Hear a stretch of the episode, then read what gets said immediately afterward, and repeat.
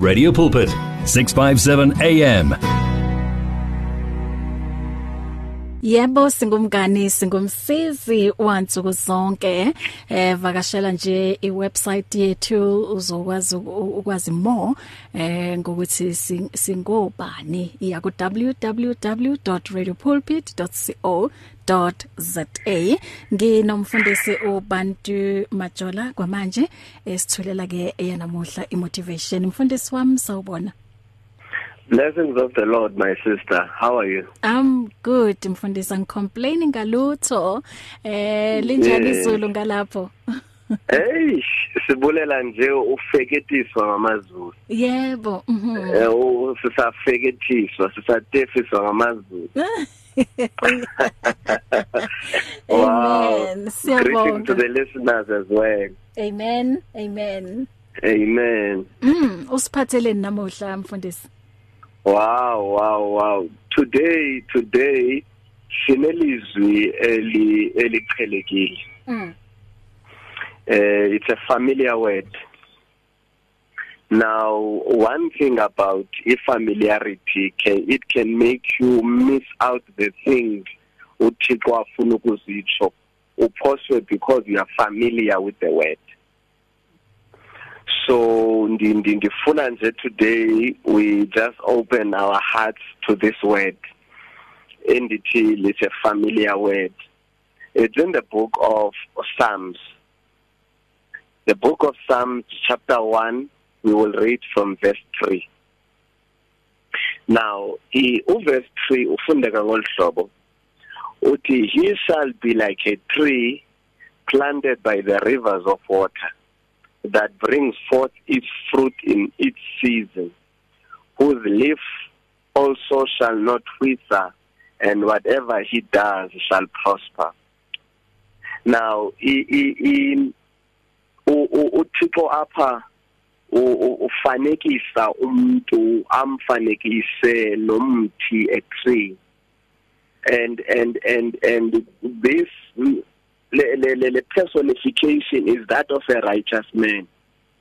Now iBhayibheli apha ithi there is a time there is there is a time apho khona athela iziqhamo izithelo. Uyathela there is that time and iphindile iBhayibheli apha eh its leaf igcabi layo aliboni man meaning that iBhayibheli speaks of two things apha. There is a time lokuthela iziqhamo walomthi and although engekatheli iziqhamo the igcabi lona liboni. Meaning that you might be disappointed mawufika kulomthi ungaboni ifruit ufumane udle. But even though that ungafumani fruit it means ayikabilili ixesha layo lokuthela. Ayilakabilili ixesha layo loku ukuphuma iziqhamo lokukhupha iziqhamo. Now uJehova ke uyakwazi ke ukuthi akugcine ukuthi whilst ungekafiki ixesha lakho lokuthela izingekafiki ixesha lakho lefruit kwenzekani during this time? Between the period yokuthela iziqhamo and the period of not producing anything wena mzalwane wenzani na? Now verse 3 says my sister that igqabi layo aliboni meaning that uThixo uyakwazi ukugcina igqabi lingaboni in season and out of season. Lingekafiki ixesha lakho uThixo akugcine in winter akugcine uThixo ungasebenzi. Bathi abantu mabedibana nawe estradeni babuza ukuthi uba uphangelaphi where where where where apho uphangela khona where are you uh, employed? Because uThixo agcina igqabi eli li green alenze libe green kuthi kukubi kungenanto. Bathi abantu bebuza bawufika enkonzweni kubuzwa yeyiphe yakho imoto kwezi? But awunayo nemoto uze uze ngeteksi but uThixo akwazi ukugcina igqabi. Igqabi lona lingaboni regardless oba kwenzekani around you but God is able to keep you and agcine igqabi lingaboni. Now ithi ke lento lo mzuzu ke we are still waiting my sister. For ifruits. Make simbulela uThixo ngalesa yenzile ngoba kuyabonakala kukhona uThixo akwenzile akwenzileyo uThixo kukugcina igadi. You know asikafikeleli kwindawo apho uThixo afanele usibeka khona. Asikafikeleli kwindawo that we have dreamed about. Asikafikeleli kwindawo that kwizindlu esizifunayo asikahlali kuzo. Asikaziqhuba imoto esifuna uziqhuba. Abantwana bethu abakafundi kwizikole befanele sifuna abafunde kuyo kodwa kuyabonakala uThixo sasigcinile uThixo sasikhiphile. Ithi ke lonto asikawufumana umsebenzi lo siwufunayo. Ewe siyasebenza kona but asikafikeleli kule ndawo fanele sifikelele kuyo. Iyabonakala ukuthi kukhona uThixo akwenzile. Regardless oba kwenzeke ntoni kukhona ikhona into uThixo ayenzileyo. And apha uThixo usigcinile wagcina igqabi. Wagcina igqabi sithi thina abantu sicinga abantu bayayazi our inner our inner sins. Kodwa uThixo asifihle kubo. You know kuyenzeka sisiwami ukuthi lo mzuzu sisalindele ukungena kwinhliziyo zabantu sisalindele uthandwa ngabantu make simbulele uThixo ngoba usithandile yena.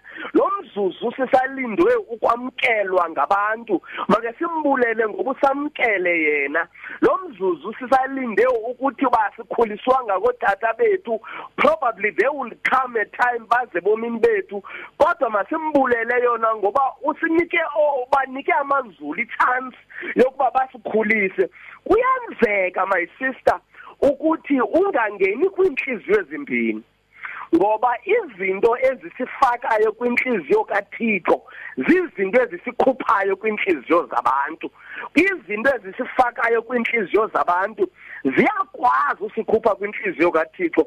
We we we we we we make we make a mistake singabantu of thinking that the friends of God are our friends and thinking that our friends are the friends of God. Sawuphoxeka when we know from God ukuthi abantu that we call our enemies but in true sense they are the friends of God. The people that we call i-friends zethu they are the enemies of God. Kuyabonakala abalaleli be-radio pulpit ukuthi kukhona uthixo akwenzileyo.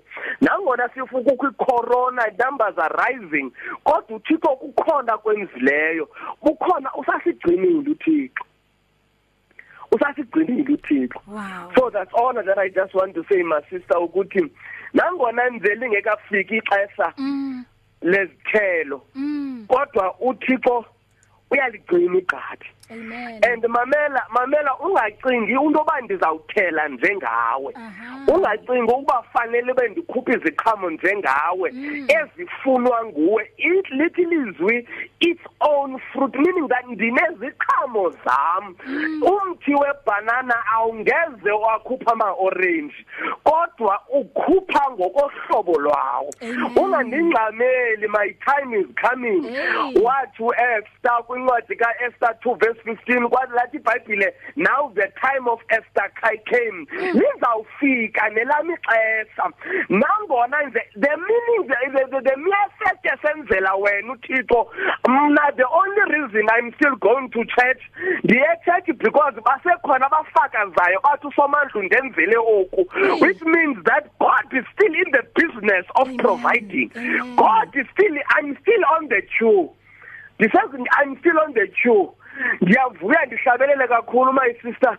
Ndithi ndibulela uThixo benzelayo abantu. Amen. uThixo sakwazi ukwenza even in this time.